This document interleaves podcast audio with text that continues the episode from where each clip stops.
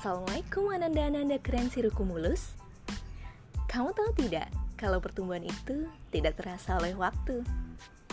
Tahu-tahu sekarang kamu sudah berada di kelas yang satu Selamat ya atas pencapaianmu di kelas 5 Dan sekarang kita akan tumbuh bersama di kelas 6 Oh iya, pernah kamu dengar tentang cerita nan jauh di hutan rimba sana? Cerita ini menceritakan tentang sosok si ikan emas dan burung kenari loh. Coba bayangkan, kalau burung dan ikan kamu bandingkan kemampuan renangnya, sudah pasti pemenangnya adalah ikan. Kalau kalian membandingkan kemampuan terbangnya, sudah pasti burung yang akan menang. Padahal, mereka sama-sama hewan bukan?